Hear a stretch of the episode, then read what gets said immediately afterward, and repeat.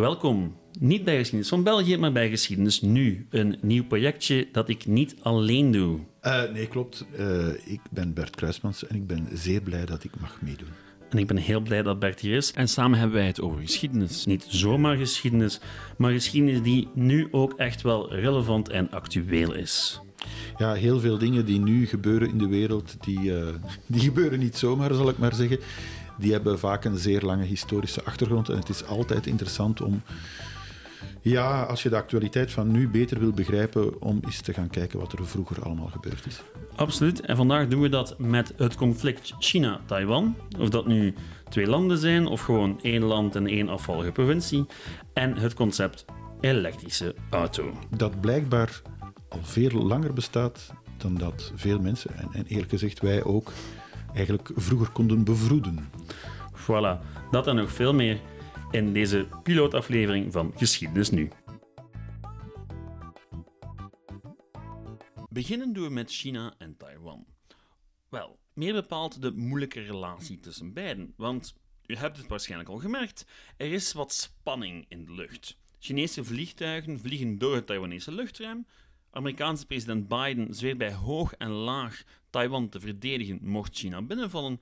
En de rest van de wereld kijkt redelijk nerveus naar het hele zaakje. Het is dus een heel actueel thema, maar met een diepe historische achtergrond. Een heel ingewikkelde historische achtergrond ook. En eentje waar we het komende half uurtje dieper op ingaan. Te beginnen met het simpele feit dat China en Taiwan niet eens de officiële namen zijn van de twee partijen in dit conflict. Officieel moeten we het hebben over de Chinese Volksrepubliek en de Chinese Republiek. Want ehm, technisch gezien bestaat Taiwan eigenlijk niet. Niet officieel. Op de Olympische Spelen was van Taiwan geen spoor te bekennen. Wel van Chinees Taipei. En een ambassade hebben wij België eigenlijk ook niet in Taiwan wel een diplomatieke delegatie. Over het hoe en waarom van die hele situatie hebben we het zo meteen. Eerst luisteren we naar Bart Franje, een Nederlands leerkracht Engels, die ondertussen al twee jaar in China vertoeft. Want wat merkt hij eigenlijk van heel dat conflict in het dagelijkse leven en in zijn klas? Nou, het eerste is natuurlijk, China ehm, heeft, ehm, als je in China bent, dan uh, wordt je altijd verteld, er zijn de zogenaamde drie T's. Dat zijn Tibet, Taiwan en um, Tiananmen, de traditionele uh, drie T's. Inmiddels zijn er meer gevoelige thematiek. Maar uh, ja, Taiwan is een van die thema's die je niet moet bespreken. Dus ik weet toen ik in mijn eerste jaar, uh, toen China bijna 70 jaar bestond, dat iemand zei dat ze dat vierden. En dat ik vervolgens zei, oh ja, dat is het jaar dat jullie Taiwan zijn kwijtgeraakt. Hè, als een nieuweling. Toen kreeg ik meteen de opmerking, dat is een erg gevoelig onderwerp. En ik merkte ook direct, oeh, dat, uh, daar kan ik dus beter van afblijven. Nou, wat merk je daar vervolgens van um, als je gewoon, je, je gedraagt binnen de kaders, uh, je doet dingen, je reist rond. Wat zie je daarvan? Nou, eentje is um, heel simpel. China wordt beschouwt Taiwan als een afvallige provincie. Dat houdt in, nou, dat lijkt niet als een afval, gewoon als een provincie. Dus op elke kaart die je in China ziet, zul je Taiwan gewoon zien als onderdeel van China. Het heeft geen andere kleur, het moet ook dezelfde kleur hebben als nu bedrijven per ongeluk dan wel expres die kaart uh, niet de juiste kaart gebruiken, dus een kaart gebruiken waar Taiwan een andere kleur heeft, dan kunnen ze daar ook hoge boetes voor tegemoet zien. Hetzelfde geldt overigens voor de, uh, voor de Zuid-Chinese zee. Um, um, wat overigens voor kaartmakers en musea erg irritant is, omdat het, nou, dat gaat een heel eind naar beneden toe, helemaal uh, naar wat is het, Indonesië. Maar desondanks zul je bij elke kaart ook de zogenaamde negen strepenlijn zien. En Taiwan is daar dus ook onderdeel van. Nou, waar merk je het nog meer van? Als je het weerbericht op tv bekijkt, dan zal Taiwan daar gewoon uh, onderdeel van zijn. Er komen een aantal steden langs. Een van die steden is Taipei. En um, als je in de supermarkt bijvoorbeeld vruchten hebt die uit Taiwan komen, uh, dan staat er altijd uh, land van herkomst of gebied van herkomst Taiwan, China. Nou, in die dingen. Bijvoorbeeld. Um, Toen uh, corona net uitbrak, dan was de hele lijst met coronagevallen per provincie. En dan de onderste provincie was uh, Taiwan. Dus dat is een vast onderdeel daarvan.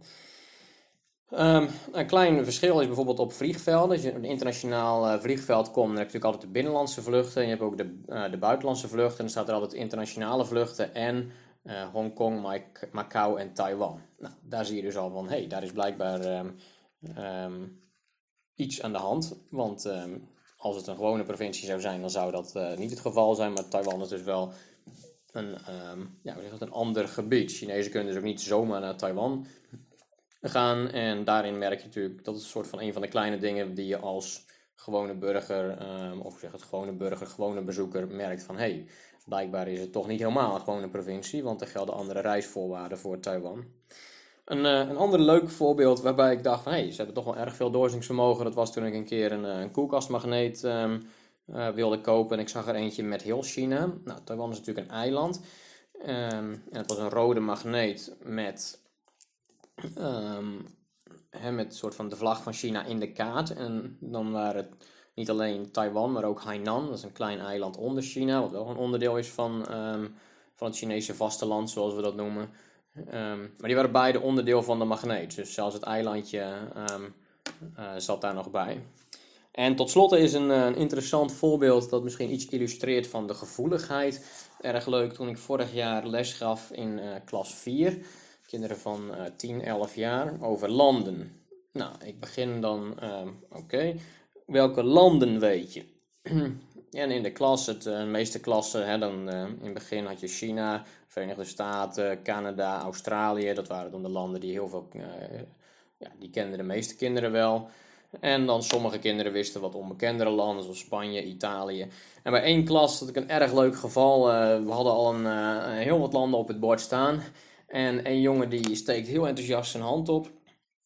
En ik zit in het vuur van de, van de les, dus ik zeg zo ja. En hij, hij roept bijna uit zo Taiwan. En nou, op dat moment was het net alsof alsof er een bom ontplofte. De, de aanwezige juf, moet altijd iemand aanwezig zijn bij mijn les, die keek echt als door een, als door een wesp gestoken in zijn richting van uh, wat, wat doet hij nou? En um, ik denk niet dat de jongen zich er bewust van was wat hij op dat moment in gang zette.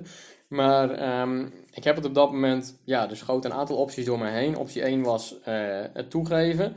Ja, dan had ik een probleem gehad. Optie 2 was het ontkennen. Nou, dan had ik een probleem met mezelf gehad, omdat ik het um, ja, te ver vond gaan om, um, om de lijn van China hierin te volgen. En op dat moment schoot er in één keer een gouden ingreep uh, naar binnen. Dus ik reageerde met Thai oh, Thailand. Bedoel je Thailand? En jongens, die, die, die, die, ja, ik vraag me af of hij door had, maar die zei, uh, ja, zei, ja, heel goed, Thailand is ook een land. Nou ja, dat liet iets zien van hoe gevoelig dat ligt, die reactie van de juf, het ongemak wat ik erbij voelde, nou ja, um, hoe ik de aandacht af wist te leiden naar, uh, te doen alsof hij Thailand had gezegd, wat natuurlijk een beetje hetzelfde klinkt. En um, voor de rest is het vooral een onderwerp waar je nou, zeker als buitenstaander vanaf blijft. Je noemt het niet, je benoemt het niet. Um, ja, ik kan me nog een keer een heel klein geval herinneren waarbij twee docenten praten over. Die waren fan van basketbal. En ik vroeg of er na Yao Ming, dus een bekende Chinese basketballer, nog andere Chinezen in de NBA hadden gespeeld. En toen hoorde ik ze in het Chinees bespreken dat er dus iemand uit um, Taiwan blijkbaar in de NBA speelde. Ja, of dat dan een Chinees was, dat de, nou, in zulke soort dingen merk je dan soort van bij hen ook bijna het, um, het ongemak. Het is natuurlijk ook zo dat met uh, Olympische Spelen of met andere sporttoernooien, dan mag Taiwan ook niet als Taiwan opereren, maar dan opereert het vaak als Chinees Taipei. Ja, dat soort uh, dingen wordt er um, natuurlijk een soort van omheen gekunsteld. En juist daarin merk je van oké, blijkbaar is het toch niet helemaal zoals de Chinezen het zelf graag zouden willen zien. Maar voor elke um, Chinees en zeker de officiële lijn is het gewoon onderdeel van China en bestaat daar ook geen enkele mogelijkheid over om te doen alsof het zelfs een, een speciale of een andere rol heeft. Het is voor hen uh, onlosmakelijk verbonden met dat wat China is. En het feit dat um, daar sinds 1949 natuurlijk uh, zich iets anders afspeelt dan wat China um, zelf graag zou willen, dat brengt geen enkele verandering aan in hoe men het ziet of hoe het uitgebeeld mag worden door wie dan ook. En iedereen die daarvan afwijkt, die kan hoge boetes en straffen tegemoet zien. En als buitenstaander weet je, er zijn gewoon een aantal onderwerpen um, waar je vandaan moet blijven, wil je, um, wil je hier een normaal leven kunnen leiden. En daar is Taiwan er eentje van. Oké. Taiwan dus. We hoorden net mijn uh, oude vriend Bart, die nog altijd werkt in Hangzhou in China, vlakbij Shanghai, uh, toen onmiddellijk heel veel nadenken over de realiteit van wat is Taiwan en hoe zit dat nu eigenlijk met China? Wat mij opvalt is, bij ons in het Westen, wij mogen het N-woord niet meer uitspreken. En blijkbaar bestaat er in de Volksrepubliek China zoiets als het T-woord dat je niet mag uitspreken, want dan kom je in de problemen. En zelfs bij het kopen van koelkastmagneten kan dat belangrijk zijn. Absoluut, de, drie T's. Ik heb zelf ook in China gewerkt um, voor corona. En, en dat, was, dat is iets dat wordt meegegeven als je naar daar vertrekt. Van, daar moet je niet over beginnen. Mhm. Want je weet dat de gevolgen ja, redelijk groot kunnen zijn. Dus uh, natuurlijk, als je dan, zoals Bart, lesgeeft, kinderen zijn gelukkig kind overal en zijn overal min of meer hetzelfde, ook in China. Dus die houdt niet altijd rekening met de politieke gevoeligheden. Het interessantste natuurlijk is dat je, dat je voelt dat het zoveel impact heeft op het dagelijks leven daar, maar dan eigenlijk ook in de internationale politiek. Het is fascinerend, ook als je dan bedenkt waar het eigenlijk allemaal vandaan komt. Ja, want de vraag is, waarom heeft China zo'n ongelooflijk probleem uh, met dat ene land? Maar dan moeten we onszelf al meteen beginnen verbeteren en nuanceren. Is het wel een probleem tussen twee landen? Uh, of is het een intern conflict uh, van één bepaald land, namelijk China? China ziet het 100% als een louter intern conflict. Terwijl Taiwan, denk ik, voorbij het idee is van een intern conflict. Taiwan beschouwt zichzelf niet meer zozeer als Chinees, maar, maar als iets anders. En aan zich kan je daar in de diepe geschiedenis van, van China en Taiwan kan je daar wel veel argumenten voor vinden. Taiwan heeft niet zo bijster lang deel uitgemaakt van China. Het is een, een kwestie van golven, maar eigenlijk als je ziet dat wat vandaag China is, dat een heel groot deel daarvan al duizenden jaren aan elkaar hangt, mhm. in golven, met af en toe een paar warring state periods. Maar die hangt al heel lang samen. Taiwan hoorde daar gewoon niet bij tot 1682. Dus was in 1682, toen er zich een rebellenleider, een Chinese rebellenleider had gevestigd in Taiwan. Ja, dan pas gaan de Chinezen echt naar Taiwan gaan om die rebellenleider uit te knijpen en dan ook gewoon dat eiland te annexeren. Maar dat is gewoon een provincie. Dus is dat dan een initieel deel van China? Ja, lang niet.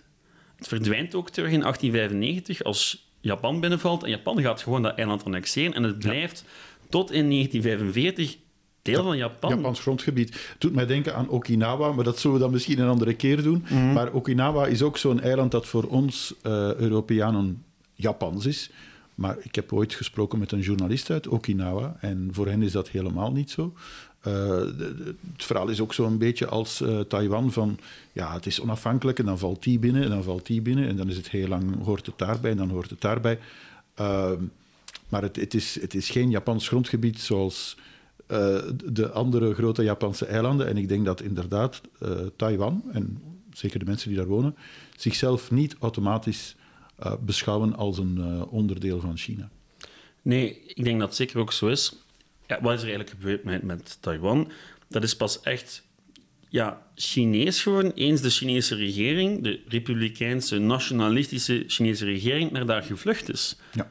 Ongeveer 2 miljoen mensen zijn gevlucht van het vasteland naar Taiwan, gewoon omdat het, ja, ze zijn er uitgeknepen door de communisten.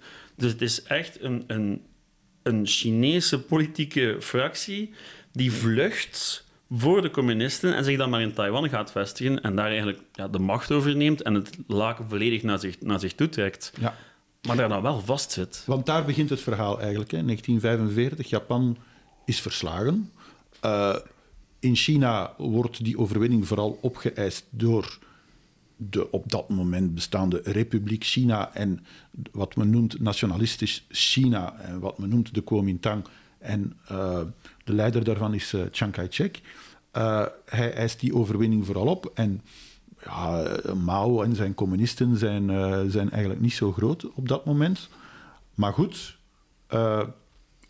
die burgeroorlog die een beetje aan het sluimeren was, die al, die, want China is een verhaal van oorlog tot en met, hè, zeker in de 20e eeuw.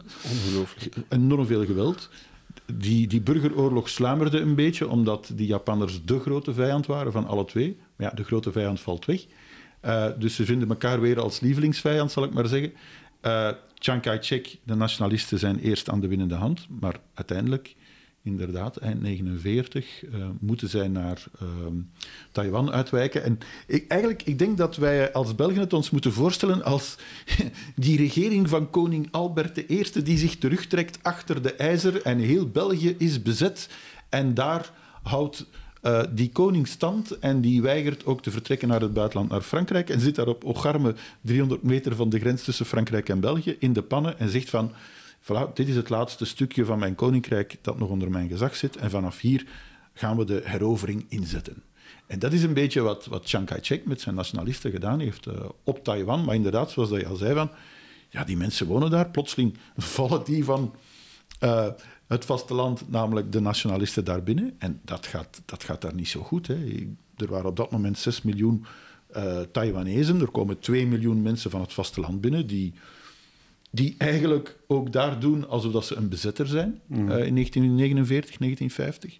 Die uh, huizen opeisen, de volledige kust wordt afgesloten, want dat wordt militair gebied. Mensen moeten verhuizen, moeten daar weg.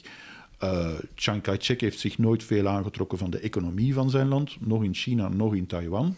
Dus dat verarmt allemaal een beetje. En, en, en behalve het conflict tussen de communisten in China en de nationalisten in Taiwan, krijg je nog ook, ook nog eens een conflict tussen de, de autochtonen, zal ik maar zeggen, van Taiwan en de allochtonen die daar uh, alle, alle rechten komen ja. opeisen. En die op dat moment natuurlijk een andere cultuur ontwikkeld hebben. Want Japan heeft Taiwan in handen gekregen in 1895 en is daar gigantische hervormingen gaan doorvoeren. Want Japan is niet zoals China, een soort van slapende reus die de 19e eeuw doorwandelt, altijd op het randje van kapot gegaan. Nee, nee, Japan was zichzelf aan het heruitvinden constant. En ze gaan al die hervormingen ook doorvoeren op Taiwan. Dus de grote ironie is dat Taiwan veel verder ontwikkeld was dan het Chinese vasteland. En dat dat eigenlijk ook echt wel een interessante staat was. Alleen die, die overheid die daar dan komt, die heeft het volledig het zicht op het vasteland. Ja. En dan komen we wel een beetje terug op wat we in het begin over hadden. Over het idee van, ja, het was echt eigenlijk een burgeroorlog.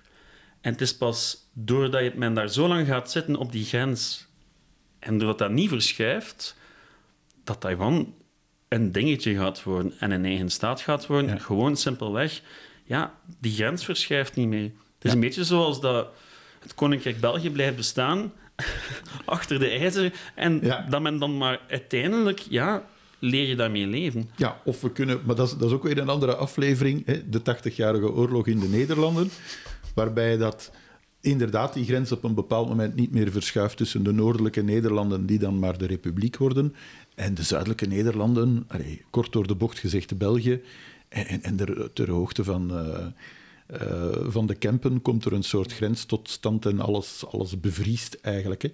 Maar wat mij vooral opvalt is dat uh, de Amerikanen hebben altijd Taiwan natuurlijk in stand gehouden. dat was een pion in de Koude Oorlog. Maar ik heb een citaat gevonden van president Truman, die in het begin, namelijk in 1949, uh, eh, na de, de overwinning van de communisten op het vasteland van China, die helemaal niet zo positief was over die uh, Chiang Kai-shek en over die nationalisten. En hij zei, ik heb, ik heb het citaat hier voor mij staan, hij zei van, any money we spend to support them, a good deal of it would end up in the pockets of Chiang en de familie Sung en Koen, die zeer belangrijk waren voor hem. They are all thieves, every damn one of them. Dus de Amerikanen zeggen van wij gooien hier ongelooflijk veel uh, materiaal tegen, hè, vooral militair materiaal en geld. Dat verdwijnt in de zakken van een corrupte mm -hmm. elite. Maar wat verandert dan een jaar later? Valt Noord-Korea Zuid-Korea binnen en plotseling beseffen die Amerikanen van wij zitten daar wel met een, in de buurt met een onzinkbaar vliegdekschip, genaamd Taiwan, mm-hmm. dat we wel kunnen gebruiken, hè, want de Noord-Koreanen worden uiteraard gesteund door de communisten in China. Uh, dan krijg je die domino-theorie van de Amerikanen die zegt van we moeten uh, nu uh, die communisten een halt toeroepen, want anders gaat het ene na het andere land eraan. En vanaf dat moment, 1950, juni 1950, krijgt Taiwan, hè, lees de, de, de, nationalistische Chinezen van Chiang Kai-shek, alle hulp van de Amerikanen. Het is natuurlijk zo dat die militaire situatie tot de dag van vandaag zorgt ervoor dat Taiwan op heel veel steun kan rekenen. De relatie tussen China en de rest van de wereld is vandaag ongelooflijk ingewikkeld en gecompliceerd. Maar het idee van we moeten die militaire macht van China afstoppen, dat is iets dat in 1950 begint, maar dat duurt tot op vandaag. Taiwan is, als je naar een kaart gaat kijken, Taiwan is essentieel in het afsluiten van de zeemacht van China. Dat is de, zoals je het zelf noemt, een, ja, een soort van vliegdekschip. En dat is ongelooflijk wat belang dat dat heeft en toen al had. Natuurlijk, die, de Koude Oorlog-retoriek en die logica, dat is de enige verklaring waarom Taiwan nog bestaat als een onafhankelijk... Allez, een pseudo-onafhankelijk land. Ja, je, ik ben blij dat je jezelf verbetert, Tim. Want niet alleen China, maar ook de rest van de wereld beschouwt Taiwan niet als een land. Het wordt, het wordt erkend door 15 landen op de wereld, heel belangrijke Caraïbische eilandjes, herkennen dat land. Eigenlijk het belangrijkste land dat Taiwan erkent is Vaticaanstad. Uh, maar wij ook, België, hebben geen ambassadeur in Taipei, in de hoofdstad van Taiwan. Wij hebben daar wel een vertegenwoordiging, maar wij mogen dat zeker geen ambassade noemen. Uh, en uh, ja, dan hebben we natuurlijk ook het verhaal uh, van uh, 1971-72. kort gezegd, bij, bij de opstart van de Verenigde Naties aan het einde van de Tweede Wereldoorlog wordt, er, wordt de Veiligheidsraad opgericht. en in die Veiligheidsraad zitten vijf permanente leden met een vetorecht. En men kijkt een beetje naar de, de, de machtigste landen van toen, zullen we maar zeggen, van 1945. Dus dat is Verenigde Staten, uiteraard. Rusland zit daarin als erfgenaam van de Sovjet-Unie. Uh, Groot-Brittannië, Frankrijk en in 1945 China, de Republiek China. Maar die Republiek China in 1945 is dus eigenlijk vooral, is eigenlijk vooral die Chiang Kai-shek met zijn nationalisten. Dus die, die man moet verkassen eind 1949 naar uh, Taiwan. Maar dus dat nationaliste China blijft die sleutelpost behouden in de Veiligheidsraad. Is dus ook een land dat vetorecht heeft in die Veiligheidsraad. Dat is dus waanzin, hè? want we, we, hebben het op dat moment over een landje van 8 miljoen inwoners, uh, Taiwan, mm -hmm, ja. uh, dat dus uh, die, belangrijkste functie, die belangrijke functie heeft. En ja, die absurde situatie blijft inderdaad bestaan tot begin jaren 70. waarbij dan, en dan beginnen natuurlijk alle geopolitieke politieke krachten te spelen. Uh, Verenigde Staten is verwikkeld in de grote ramp, zich genaamd Vietnam. Uh, wil op dat vlak uh, zeker praten met China, omdat, dat natuurlijk, omdat China daar ook een heel belangrijke rol in speelde. En het komt er dan op neer hè, dat de Taiwanese worden buitengekegeld, niet alleen uit de Veiligheidsraad, maar ook uit de Verenigde Naties. Uit alles. Uit alle internationale organisaties. En dat uh, de communisten triomfantelijk al die zetels gaan, uh, gaan bezetten. Dus ik wil maar zeggen, de internationale gemeenschap beschouwt Taiwan officieel, internationaal rechtelijk, niet als een land. -hmm. Dus wij, eigenlijk volgen wij wel een beetje de visie van uh, communiste China. Het is een ongelooflijke absurditeit. Als je gaat kijken, bijvoorbeeld Olympische Spelen, dan hebben we het over Chinees Taipei. Ze mogen niet meedoen onder de naam Taiwan. Ze doen mee onder de naam Chinees Taipei. Ze zijn geen officieel lid van de Wereldgezondheidsorganisatie. Van al die internationale organisaties zijn zij officieel geen lid. En is het ook ongelooflijk moeilijk voor de mensen van die organisatie om over Taiwan te praten. Meestal gaat het dan over Chinees Taipei, of zelfs gewoon, ja, China. En dit stuk van China, vanwege de gigantische angst om China tegen de, tegen de benen te stoten. Want ja, het is gewoon economisch de tweede belangrijkste grootmacht van het moment. En China staat daar immens hard op. En ze gaan daar altijd keihard op ingrijpen, internationaal. Er was onlangs het, het geval van een bekende Amerikaanse acteur, wiens naam mij nu even ontschiet, die... Um, een tweet had gedaan van ja, uh, mijn nieuwste film die komt voor het eerst uit in Taiwan. En hij had effectief de term Taiwan gebruikt in zijn tweet. Waarop China onmiddellijk heeft ingegeven, onmiddellijk de release van die film begon te stoppen in China, wat een gigantische filmmarkt is, waarop dat die acteur zich in het Chinees, in het Mandarijns, heeft verexcuseerd. En echt, ten tweede en toe herhalen, ik heb niks tegen China, ik, ik, ik, ik, apprecieer het Chinese volk, enzovoort en zo verder. Maar dan zie je maar die economische en politieke macht... Hmm. Hebben het nog niet eens voor het militair, maar gewoon de economische en politieke macht die ervoor zorgt dat iemand zo snel terugkomt op zijn woorden. Dat zegt heel veel en iedereen laat de boel ook gewoon de boel. Want het, het, het werkt ook min of meer. Ja. Wat, mij ook opviel was van op het moment dat uh, nationaliste China, dus Taiwan, uit de Verenigde Naties wordt gekegeld, was Chiang Kai-shek enorm boos En hij noemde Nixon, toen president van Amerika, hij noemde Nixon Nishu. Uh, wat blijkbaar mijn Chinees is niet zo goed, maar dat zou gewoon staan voor niet de clown. dus hij kon er niet mee lachen dat hij daar werd buiten gekegeld. Ja, het is natuurlijk een immens machtsverlies en prestigeverlies. En, en het zet Taiwan op een heel vreemde manier aan de rand van... Allee, het wordt een soort van schurkenstaat bijna, qua statuut, hè, zoals in Noord-Korea, qua statuut. Maar het grote verschil met Noord-Korea is, iedereen doet wel keihard zaken met Taiwan. Ja. Taiwan is wel overal bij op een of andere manier. Taiwan speelt een gigantische rol in de, in de wereldeconomie, in het produceren van, van microchips en zo verder. Dus Taiwan speelt wel mee. En, daar hebben we het nog niet over gehad, vandaag is het echt wel een democratie. En een, een democratie puur sang. Het hele dictatoriale, wat er keilang was, dat is vandaag weg. En het is echt een democratie die, die daar ook op staat. Wat het natuurlijk ook een stuk moeilijker maakt om herenigd te worden met China. Inderdaad, fijn, het leuke, allez, leuke, het absurde van heel de situatie was dat er konden geen verkiezingen zijn in Taiwan na 1950, omdat er parlementsleden waren, hoewel dat parlement niks voorstelde, maar er parlementsleden waren die dus verkozen waren in het noorden uh, van China, in het zuiden, in Shanghai, in Beijing. Uh, en dus die konden niet herverkozen worden, want ze hadden geen toegang tot hun eigen kiezers. Uh, en dat betekende dat die parlementsleden 40 jaar lang daar bleven zitten, zodat op het einde Taiwan met een parlement zat van mensen van 80 en 90 jaar. En omdat ze altijd vasthielden aan dat idee van wij zijn China. En dan inderdaad, nadat uh, Chiang Kai-shek is opgevolgd door zijn eigen zoon, Xin Kuo, uh, die is dan uh, gestorven in 1988. En dan voor de eerste keer is er een president van Taiwan gekomen. Dus geboren, getogen Taiwanese, zullen we maar zeggen. en uh, Taiwan is dan een moderne democratie geworden. En dan komt het probleem. Taiwan begon zich meer en meer, en nu meer en meer, te affirmeren als het land Tai Taiwan. Het heet nog altijd wel de Republiek China, maar het wordt meer en meer het land Taiwan. Dat misschien wel wil internationale betrekking aanknopen met de Volksrepubliek China, dat am- een ambassadeur wil sturen.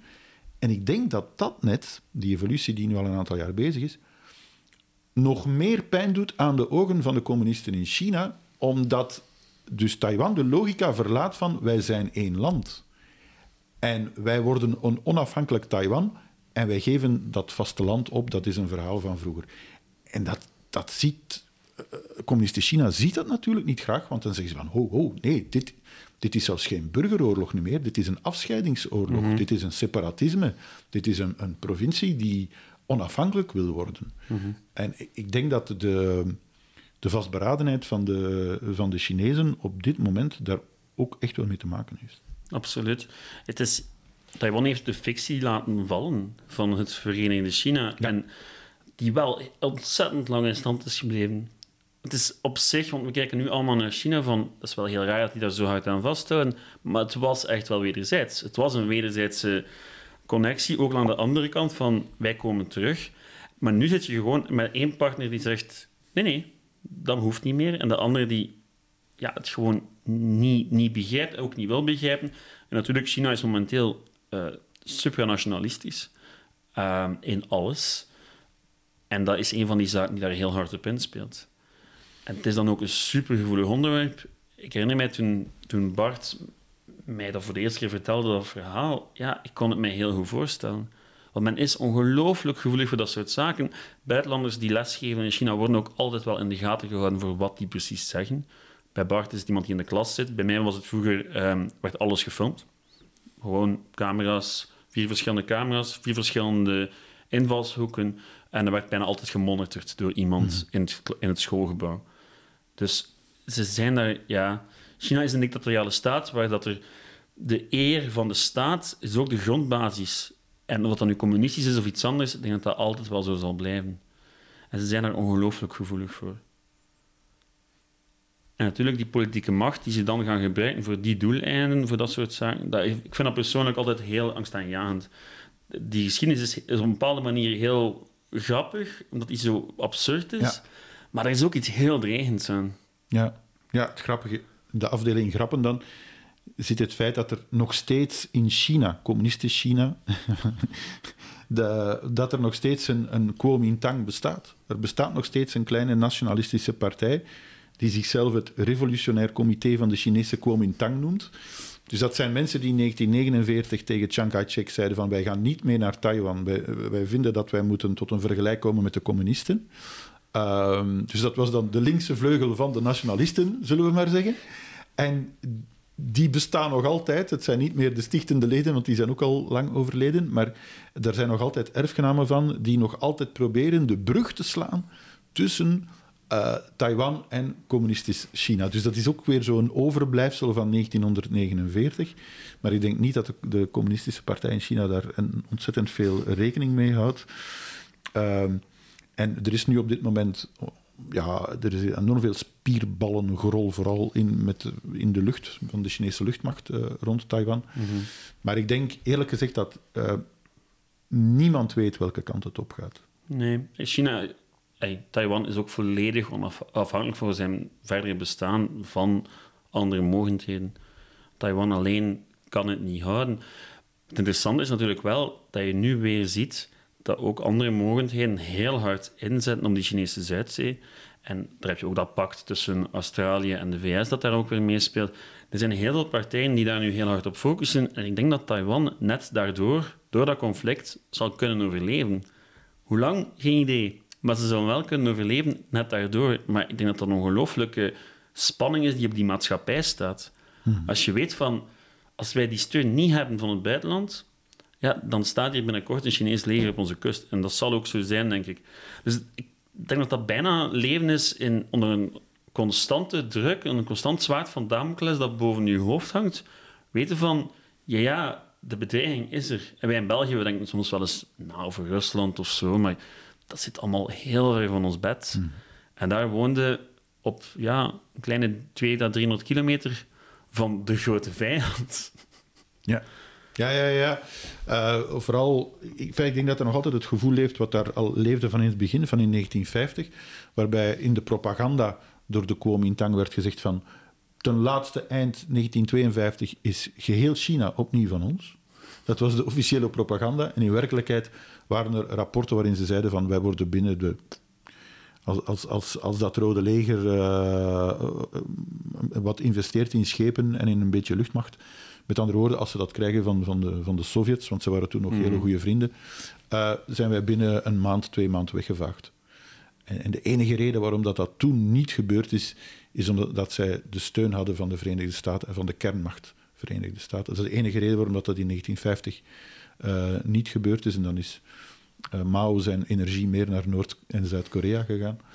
Uh, maar zoals je zegt, het, het, de, de toestand is bevroren in 1950 en eigenlijk is er nog niet ontzettend veel ontdooid. Nee, absoluut niet. Ik heb het gevoel dat niemand ook durft, zeker in de westerse wereld, niemand durft een stap zetten. Iedereen weet waarom dat Taiwan dat statuut heeft. Taiwan is heel erg welkom voor zijn economie. En daar eindigt het voor. Ja, maar het is geen land voor ons. Hè? Het is geen land. Het is geen land. Het is ja, dat is iets heel aparts. Over naar het, tweede onderwerp van de dag zijn de elektrische wagens. En niet zozeer elektrische wagens nu, maar veel elektrische wagens in het verre, verre verleden, zijn de, de 19e en het begin van de 20e eeuw. Klinkt vreemd, hè? We denken altijd dat de elektrische wagen een uitvinding van Elon Musk is, of van een paar gekke uitvinders misschien in de jaren 70. Maar er was blijkbaar niks nieuws onder de zon. Hè. Ik bedoel, 120 eh, jaar ervoor waren ze er al mee bezig. En met resultaat. Absoluut. Ja, de elektrische wagen als concept is eigenlijk ouder dan de wagen met verbrandingsmotor, die nu zo gangbaar is. Het is, het is een ongelooflijk iets als je erin gaat kijken. Ik denk dat we alle twee een beetje verdwaald zijn. Uh, maar het is prachtig om te zien hoeveel er was en, en hoeveel impact dat heeft gehad. Want die elektrische motoren, daar werd al mee geëxperimenteerd vanaf de 18e eeuw onder meer door een Benjamin Franklin. En ja, dat gaat een hele evolutie kennen. En eigenlijk loopt de geschiedenis van de elektrische wagen heel hard samen met de evolutie van de batterij. Ja. Elke keer dat men daar een stap vooruit springt, dan kan men meer gaan doen. Natuurlijk, zoals dat we gaan zien, het grote probleem wordt op een bepaald moment gaan er veel betere, veel betere opties zijn dan een batterij. En zo komen we eigenlijk in de huidige situatie terecht. En, en langs de andere kant, eh, wat ik ook heel boeiend vind, dat is ehm, de, de, vergelijking met eh, het vervoersmiddel. Namelijk, bij de stoommachine is, is het eigenlijk, en ook bij de, daarna bij de verbrandingsmotor, is het eigenlijk vooral de spoorweg die als eerste die uitvindingen gaat gebruiken. Hè? De, de stoomlocomotief en de, daarna de diesellocomotief. Omdat dat dus natuurlijk gemakkelijker is om een voertuig op die ijzeren rails te laten rijden. Uh, en pas daarna komt eigenlijk ja, de stoomauto ontzettend oud, maar is nooit echt doorgebroken eigenlijk. We hebben de stoommachine vooral gebruikt als locomotief en als staande, hè, stilstaande machine in, in uh, fabrieken. Maar bij, bij uh, de elektromotor is eigenlijk een beetje hetzelfde gebeurd. Vreemd genoeg. Oh, of ja, vreemd, ik weet niet of het zo vreemd is, maar uh, we hebben eigenlijk eerst, dat klinkt zo raar voor ons, maar we hebben eigenlijk eerst de elektrolocomotief gehad en daarna eigenlijk de doorbraak van de elektrische auto. Er is een schot geweest, uh, Robert Davidson, en die heeft eigenlijk eind jaren 1830 1842, want met die uitvinding is het soms heel moeilijk om te weten wanneer en, zo. Wie was de eerste? Ja, dat weten we niet. Bedoel, er was in Frankrijk iemand bezig en in Duitsland iemand bezig en in de Verenigde Staten. Maar in elk geval, die Schot Robert Davidson heeft, is eigenlijk de uitvinder van de, in 1842, stel je voor, de elektrolocomotief. Maar die is dan niet doorgebroken. Die, die, die, en pas dan daarna, op het moment dat we de metro's beginnen te krijgen, en het is natuurlijk zeer handig dat je een elektrische locomotief hebt voor een metro die ondergronds gaat. Mm. Uh, daar is een stoomlocomotief uh, uh, niet zo interessant. pas dan heeft men dat idee van die man terug opgevist. En in 1890 stond hij dan plotseling in de kranten. Hij was dan 90 jaar of, of 80 jaar. En hij was dan plotseling de oldest living electrician. de, de oudst levende elektricien, zullen we maar zeggen. En hij heeft nog net lang genoeg geleefd om, om te zien dat hij 40 jaar ervoor eigenlijk gelijk had. Maar het is zoals dat je zegt. Uh, bij een auto kan je moeilijk met, met uh, spoorleidingen beginnen werken, want dan noemen we het geen auto, maar dan noemen we het een trein. En dus we hebben die doorbraak nodig gehad uh, op vlak van batterijen, om een doorbraak te hebben op het vlak van elektrische auto's. En ja, die is er gekomen, toch al, vind ik toch heel snel, rond 1850 al. Die ja, doorbraak wat die, van die batterijen. Dat is echt zot. En inderdaad, ik heb hier even wat details staan over de, die eerste elektrische treinen. Een van de eerste gevallen was van, uh, van Davenport. Die kon 6100 kilogram vracht, vracht vervoeren aan 6,4 km per uur over een afstand van 2,4 kilometer. Het is een begin. Het is een begin. Het was, voor die tijd is dat een ongelooflijk dingetje, denk Ja, ik. ja. Maar nu ook, die, uh, die locomotief is wel uh, in elkaar geslaan door spoorarbeiders, omdat ze schrik hadden van de evolutie. Nu, dat is ook niet zo abnormaal. Maar het is inderdaad, het begint heel eenvoudig, maar je krijgt echt zo van die verbeteringen in die herlaadbare batterijen. En zeker die herlaadbare batterijen die super belangrijk zijn, belangrijk zijn. En vanaf 1881 is er plots echt praktisch gebruik mogelijk. En wat je dan de eerste echte elektrische wagen kan gaan noemen, dat is eerder een driewieler met een batterij erop. Um, Zo'n typische Franse uitvinder, Gustave mm -hmm. Trouvé, die gewoon uh, een elektrische motor van Siemens gaat monteren op een driewieler met een nieuwe herlaadbare, herlaadbare batterij erop en dat werkt dan. En die heeft dat zelfs gebruikt om de eerste elektrische motorboot uit te vinden. Dus dat is één, één en dezelfde man met hetzelfde materiaal en hetzelfde soort motor. Maar dan krijg je wel een evolutie waar je ziet dat dat echt een praktische toepassing gaat krijgen. En dat vind ik er zo interessant aan, dat daar totaal niet zoveel over werd nagedacht, men maar experimenteerde en dat die wagentjes dat wel op de markt kwamen en actief gebruikt werden. Het boeiende eraan vind ik, is dat de elektrische wagen op dit moment als een van de oplossingen voor onze congestie, voor onze files wordt gebruikt en ook dat we het ook nodig hebben voor, om het klimaat te redden. En het grappige is dat meer dan 100 jaar geleden uh, er was ook in een stad als Londen bijvoorbeeld was er meer en meer verkeer, namelijk paardenkoetsen. En dat gaf een enorm probleem. Want die paarden moeten... Uh, ten eerste, een paardenkoets neemt natuurlijk enorm veel plaats in, want je hebt de koets, maar er hangen nog minstens is één of twee paarden voor. Dus dat is best wel lang. Uh, en ten tweede, die paarden moeten gestald worden. Die, daar moeten stallen voor zijn, los, ook weer los van de koets. Uh, die moeten voedsel krijgen. En vooral het grote probleem was de paardenmest. die op straat viel. En er waren doemdenkers die zeiden van... Londen, als we zo verder gaan, rond 1940, zal uh, Londen bedolven worden onder twee meter paardenmest. Van al, al die paarden die hier voor het vervoer moeten zorgen. Niet alleen van personen, maar ook van goederen. En dus alleen al om het milieu te redden, aan het einde van de 19e eeuw, moest men een alternatief hebben voor al die paardenkoetsen. Want er was gewoon veel te veel paardenmest. Dus zelfs toen al was het minstens het klimaat van Londen in gevaar. Het is fascinerend hoe mobiliteit altijd als een probleem ervaren wordt, maar de oplossing het nieuwe probleem wordt, vroeg of laat. Want inderdaad, wat was dan de oplossing? Dat was dan de wagen natuurlijk. Nu goed, voor iedereen die onlangs nog in Londen was, de situatie is niet per se veel beter dan toen. Maar het is inderdaad zo dat in Londen ga je eigenlijk de eerste echt grote en grootschalige experimenten gaan krijgen met die elektrische wagens. En dan komen we uit bij... Ik ben even op zoek naar de naam. Ik ga dat eruit. Ja, de Bursey Electric Cab. Wat een, een taxibedrijf was met auto's gekend als Hummingbirds. De Hummingbird. Ze zoomen. Ze zoomden, inderdaad. Een topsnelheid van 19 km per uur, twee passagiers, met uh, ongelooflijk zware batterijen. 711 kilo.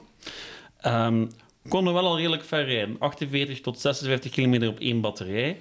Uh, met verlichting van binnen en van buiten. En waren super luxueus ingericht om te zorgen dat de mensen niet te veel argwaan hebben. En die zagen er eigenlijk net uit als een koets. Maar zonder paard. Zonder paard. Ja. Maar wel met de chauffeur bovenop, net zoals dat bij een paard zou zijn. Dus uh, super Bursey, ja, genoemd naar de uitvinder, hè? Charles Bursey. 23 jaar was de man uh, op dat moment. Dus dat was eigenlijk een, ja, de Elon Musk van uh, eind 19e eeuw zeker, hè, zullen we maar zeggen. Ehm, er zijn er wel flink wat geweest hè, van die Bursey caps. Ehm, ik denk dat, het, dat ze er tot, tot een stuk of 75 hebben gehad, die rondreden in Londen. Maar echt lang heeft het niet geduurd. Hè. Nee, ik denk ongeveer drie jaar. Uh, het grote probleem was dat die batterijen super zwaar waren, 711 kilo. Dus die ophanging van die wagen die kon dat gewoon niet aan. Dus heel snel raakte, ja, raakte heel die wagen beschadigd. De onderhoudskosten waren veel te veel. Die auto's die konden eigenlijk ook meestal niet een hele dag werken. Uh, ja, als je maximum 56 kilometer kan doen op één batterij, ja, dan moet je waarschijnlijk al ergens, ergens halverwege je dag terug naar de stallen. Hè, om dan met een kraan moest die batterij daar dan uitgeteld worden om een nieuwe erin te zetten. Het was een ongelooflijke logistieke operatie en het was gewoon niet, ja, niet bruikbaar. En hetzelfde is gebeurd met gelijkaardige bedrijven in Parijs, in New York. Die zag ze overal opduiken, dat soort bedrijven. En overal na een aantal jaren terug de dieper in gaan.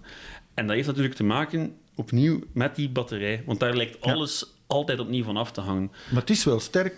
Ik, ik, heb ergens een cijfer gelezen dat er in 1900, eh, eigenlijk net voor de neergang van, de, van die elektrische auto's, dat er in de Verenigde Staten alleen al 30.000 elektrische wagens zouden geregistreerd zijn. Ja, ja het was ongelooflijk. Je hebt zelfs aan het begin van de 20e eeuw zoals in de VS 38% van de auto's op elektriciteit en nog maar 22% op olie. Dus je voelt daar eigenlijk dat er in het begin keisterk mee werd geëxperimenteerd. Alleen de nadelen van elektriciteit, die waren er wel. Hè. En het grootste nadeel is gewoon, dat is heel bruikbaar in een stadscontext. Voor kleine ritjes, dan is dat heel bruikbaar. Maar er was gewoon veel minder bereik. Een keer dat je buiten die stad ging, zat je aan het probleem. Ja, en het, probleem, het probleem, het voordeel was dat de wegen beter en beter werden. Dus dat uh, het platteland werd ontsloten, dat je niet alleen met de trein, maar ook met je eigen privéauto daar naartoe kon. En er was dus gewoon... Het is net alsof dat we nu over de elektrische auto's van nu spreken, hè, maar er was gewoon meer vraag naar rijkwijde. Dat is die grote ironie. Het is, het is hetzelfde verhaal. Het is dezelfde moeilijkheid. Het potentieel van een elektrische wagen was er, dat wat er nu is, maar het is hetzelfde verhaal van enerzijds bereik en anderzijds ook gewoon prijs. Ja. Want natuurlijk, wat krijg je vanaf het begin van de 20e eeuw?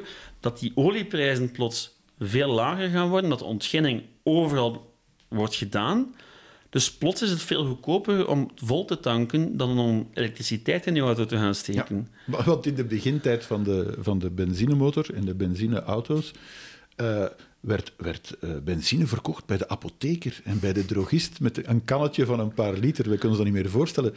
Er waren nog geen tankstations, ook omdat, omdat er geen vraag naar, naar was. Maar het is zoals je zegt, van, er worden enorm veel olievoorraden ontdekt over de hele wereld. Uh, niet alleen in de Verenigde Staten, maar ook in landen als Indonesië bijvoorbeeld. Mm -hmm. hè? Uh, de koninklijke oliemaatschappij, uh, die daarna gefusioneerd is met, met Shell. Ook al daarna het Arabische Schiereiland, enzovoort, enzovoort. En we krijgen ook, als het gaat over benzinewagens, omdat je zei over prijs, sprak over prijs, uh, we krijgen in Amerika een jonge, een jonge ondernemer, dat is een zekere Henry Ford, en die slaagt er zeer snel in met zijn massaproductie om wagens aan te bieden, benzinewagens, die de helft kosten van die elektrische auto's. Kijk, het is net alsof we weer over 2021 Ja. bezig zijn. De helft kosten en ook veel verder kunnen rijden op een volle tank. En waar je ook veel minder moeite hebt om dat snel te gaan bijladen. Dus dat is de evolutie die, die eigenlijk niet het einde gaat betekenen, want het gaat blijven slapen op de een of andere manier. Er blijft geëxperimenteerd worden. Maar het wordt heel moeilijk om daar naar uit te kruipen kruipen voor die elektrische wagens. Voordat we daarmee verder gaan, wil ik het toch nog heel even hebben over de Jamais Content. Daar mogen we toch vier op zijn. Ah, het is prachtig. Het is een, een Belgische wagen die eh, een topsnelheid behaalde van 105,88 kilometer. En daarmee het eerste voertuig was dat door de barrière van de 100 kilometer per uur ging. Wat redelijk gek is. En het was absoluut Belgisch, bestuurd door Camille Jenatzi, geen idee of ik dat juist uitspreek, die ook bekend was als de Diable Rouge voor zijn rode paard. was ook een rode wagen natuurlijk. Eh, en die man, ja, die promote vooral zijn fabriekje, maar die ging daar wel heel ver in. Maar hij wou eigenlijk het bewijs leveren dat er wel de mogelijkheid tot snelheid was. Ja, dus hij hij was blijkbaar de eerste rode duivel, Diable Rouge, voordat ook maar iets met voetbal te maken had. Ik heb het even opgezocht. Eh, voor de techneuten onder ons, eh, zijn auto, met van toch een fantastische naam, hè, de Jamais Contente. Fenomenaal. Het kapitalisme op zijn best. Volgens, volgens een van de mythes die er rondhangen, zou, het, eh, zou hij de inspiratie bij zijn eigen echtgenote gevonden hebben voor die naam Jamais Contente. Maar ik, ik, ik durf dat niet bevestigen, want misschien leeft de dame nog en dan wordt ze heel kwaad als ze ons hoort. Maar eh, die Jamais Contente zou eh, twee elektromotoren hebben gehad op, die op de achteras stonden. En die, let op, hè, die ontwikkelden 68 pk. Nu klinkt dat belachelijk, maar iedereen die eh, nog eens met een auto van eh, de jaren 70 heeft gereden, eh, weet dat dat toen normaal was. En dus voor het einde van de 19e eeuw, 68 pk, wel, dat was het, het dubbele van wat een wagen, een gemiddelde wagen in die tijd kon, kon ontwikkelen. Dus dat was een... dat- ja, dat, dat was de, de, de Ferrari zeker, zullen we maar zeggen, of de Bugatti van zijn tijd. Het was ook echt een racewagen. Als je dan naar kijkt, dat ontwerp, lijkt het ook heel veel op de eerste Formule 1-wagens. hè. Het is exact, het is echt een, een pijl, een soort van raket. Eh, een ongelooflijk ontwerp, die wel heel erg het, het punt wou maken van dit is echt een valabel alternatief. Alleen, ja, niet zo heel veel later zie je gelijkaardige modellen rondrijden, maar dan wel met een verbrandingsmotor. Dus eh, maar goed, daar willen we het toch even over hebben, want het is ook, die foto's zijn fenomenaal. Ja, het is een soort eh, rijdende raket eigenlijk. Hè, waar dat Ja. die, die man, het, blijkbaar was het gemaakt van partinium. Ik heb het ook moeten opzoeken. Partinium, een legering van wolfraam en aluminium. Dat klinkt, voor mij klinkt dat ongelooflijk modern. Dat en, en dan moet je beseffen dat dat een auto uit 1899 was. Dat klinkt echt ongelooflijk licht, vooral wat veel verklaard waarom hij die snelheid kon halen met die batterijen, die hoogstwaarschijnlijk niet zo heel licht waren. Al staat ik me wel vragen bij de persoonlijke veiligheid. Maar goed, eh, dat ben ik dan. Ik denk niet dat hij met die auto ooit naar de keuring geweest is. Ik denk dat niet, inderdaad. Nu goed, eh, het is niet definitief gedaan met elektrische wagens. Hè. Men gaat na de jaren 20 wel blijven experimenteren.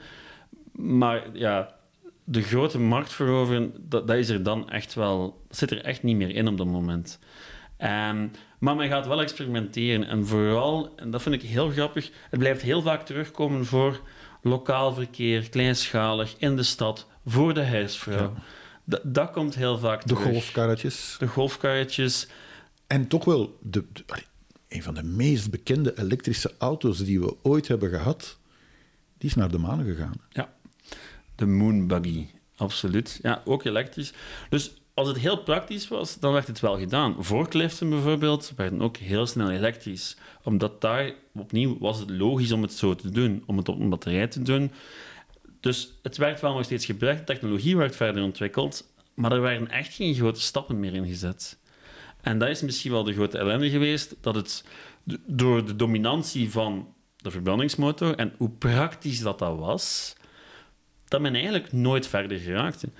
Pas enkel als die verbrandingsmotor plots een paar nadelen toonde, dat men begon na te denken. Dus bijvoorbeeld tijdens de energiecrisis van eind jaren 70, begin jaren 80, ja, dan gaat er plots weer geëxperimenteerd worden. Zeker als men in bepaalde heel progressieve staten in de VS, zoals Californië, plots maatregelen begint op te, beginnen op te leggen die heel gelijk zijn wat er nu gebeurt, ja, dan gaat de autoconstructeurs die gaan dan een klein beetje in gang schieten.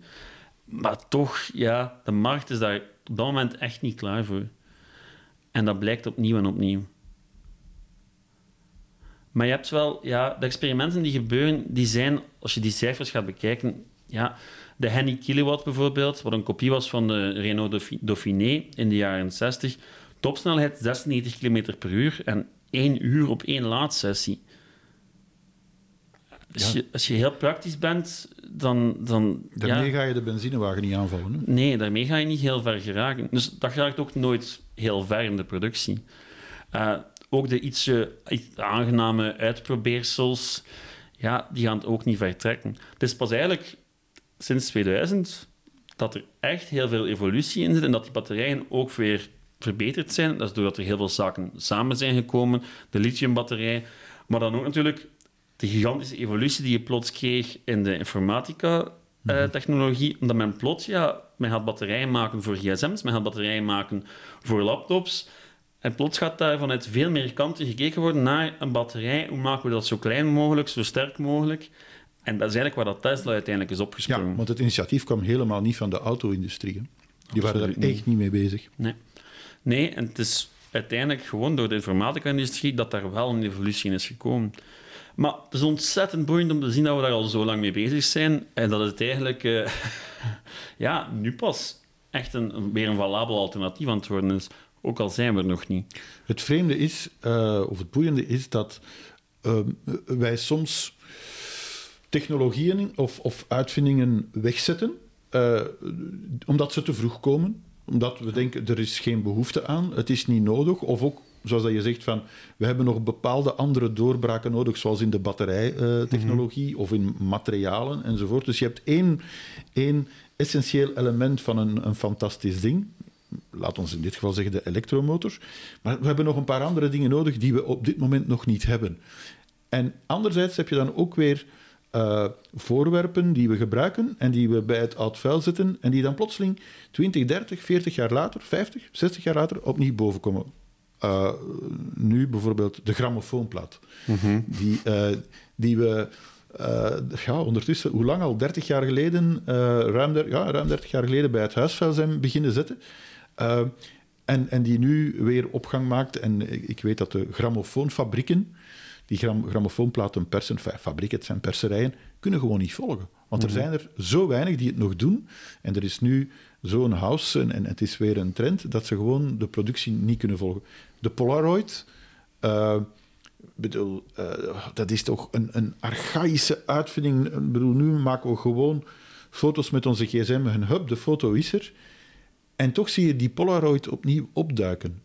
Eh, het scheermes. Eh, er zijn zo'n aantal van die, van die dingen waarvan dat we dachten, die zijn definitief verdwenen. En die, die plotseling weer opduiken, die door een nieuwe generatie ontdekt worden. en, en die vinden dat dan trendy en leuk, terwijl dat de, sommige, ja, de generatie die het de eerste keer heeft meegemaakt, vindt het nog altijd oude rommel. Ja, en soms is het ook gewoon nuttiger. In het geval van een elektrische auto, we komen er weer bij terecht, omdat het alternatief voor de elektrische auto op, de, op korte termijn heel veel positiefs heeft bijgebracht, maar op lange termijn natuurlijk ook heel veel gevolgen met zich heeft meegebracht. En dan komt men daar terug op uit. Maar het is inderdaad, ik hoor heel veel argumenten om mijn oude rommel vooral niet weg te gooien. Ehm, maar daar zal mijn vrouw niet zo blij mee zijn. nu ja, dus inderdaad, kei interessante geschiedenis. En we onthouden Camille Genazzi met de Jamais Content. Absoluut.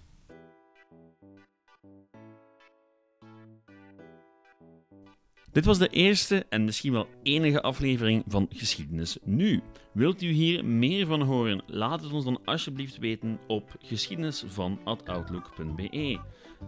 En wie weet, dan maken we er wel meer van en geven we deze podcast zijn eigen podcastkanaal. Heel erg bedankt voor het luisteren en hopelijk tot binnenkort. Ciao!